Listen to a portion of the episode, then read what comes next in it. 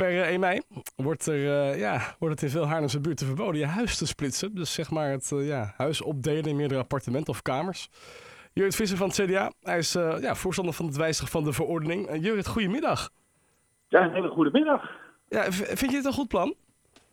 Ja, ik denk dat het zeker een goed plan is. Je ziet toch in uh, sommige wijken de overlast toenemen. Doordat in straten meerdere huizen opgesplitst worden in twee of drie appartementen.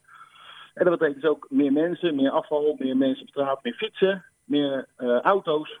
En ik denk dat het goed is dat we daar een rem op zetten. Ja. even terug dan naar het, het, het, splitsen van huizen. Wat, wat is dat precies?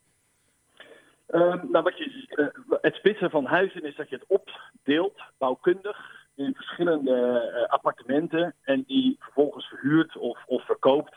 Um, in, ja, en dat je eigenlijk meerdere woningen hebt in één bestaande woning. Als we dan kijken naar het probleem wat daarin gaat, dus meerdere mensen in een woning, moet je dan per se je woning splitsen of kan je ook gewoon meerdere mensen in je woning laten?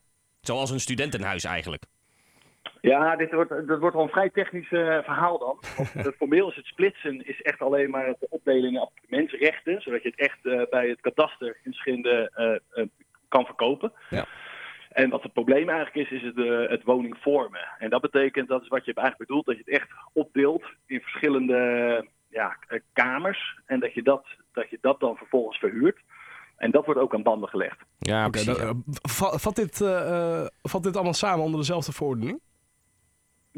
Ja, ja zeker. Ja. En dat betekent ook per 1 mei dat dat ook lastiger wordt voor mensen? Ja. Oftewel, ja, het wordt echt illegaal? Ja. ja, nou zeker. Ja, in een aantal wijken wordt het echt verboden. Dat zijn uh, de Indische buurt bijvoorbeeld, de Amsterdamse buurt, ook de Leidse buurt. Daar, daar is het echt niet meer toegestaan. Daar hoef je dus het ook niet te proberen. Dat is een time-out voor drie jaar. En na drie jaar gaan we opnieuw kijken of het, uh, of het misschien verlengd moet worden... of dat dan wel weer onder voorwaarden toegestaan wordt. Maar eigenlijk in praktisch uh, heel Haarlem verder...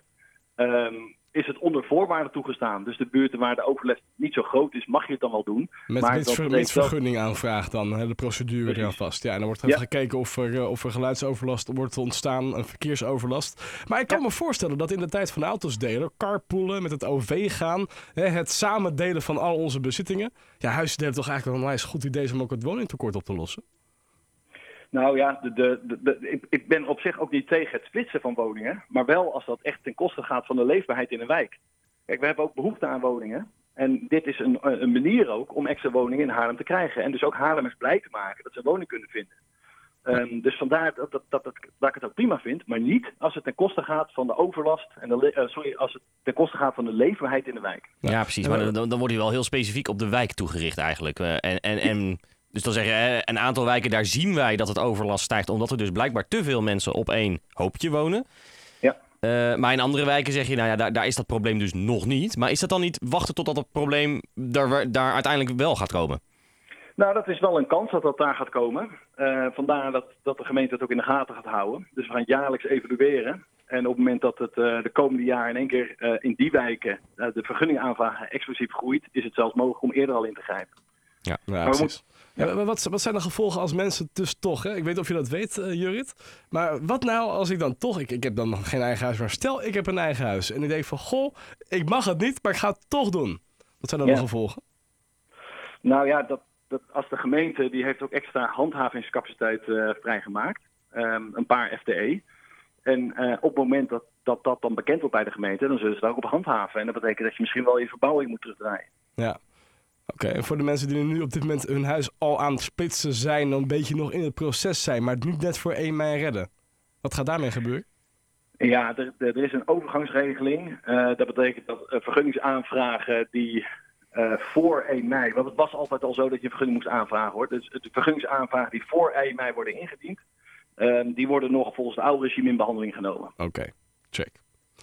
Ik denk dat het een dus- goede oplossing is voor, uh, voor uh, de, de, de, overlast. Uh, ik, ik, weet niet of het per se of er nog een, een andere oplossing moet komen voor het huizentekort. Want dat, dat is wel redelijk schrikbaar natuurlijk. In, ja. Niet alleen in Haarlem, maar in heel de Randstad natuurlijk. Ja. Um, wordt daar dan ook over nagedacht? Betekent dat meer vergunningen voor nieuwbouw? Of betekent dat iets anders? Nou, voor echt het woning ehm, uh, woningtekort wat we in het algemeen hebben, ja, dat, dat, is natuurlijk een ander pad wat dan volgen zijn met de ontwikkelzones en op verschillende uh, plekken die de stad woningen bijbouwen. Maar dat staat op zich los van deze ontwikkeling. Ja, precies.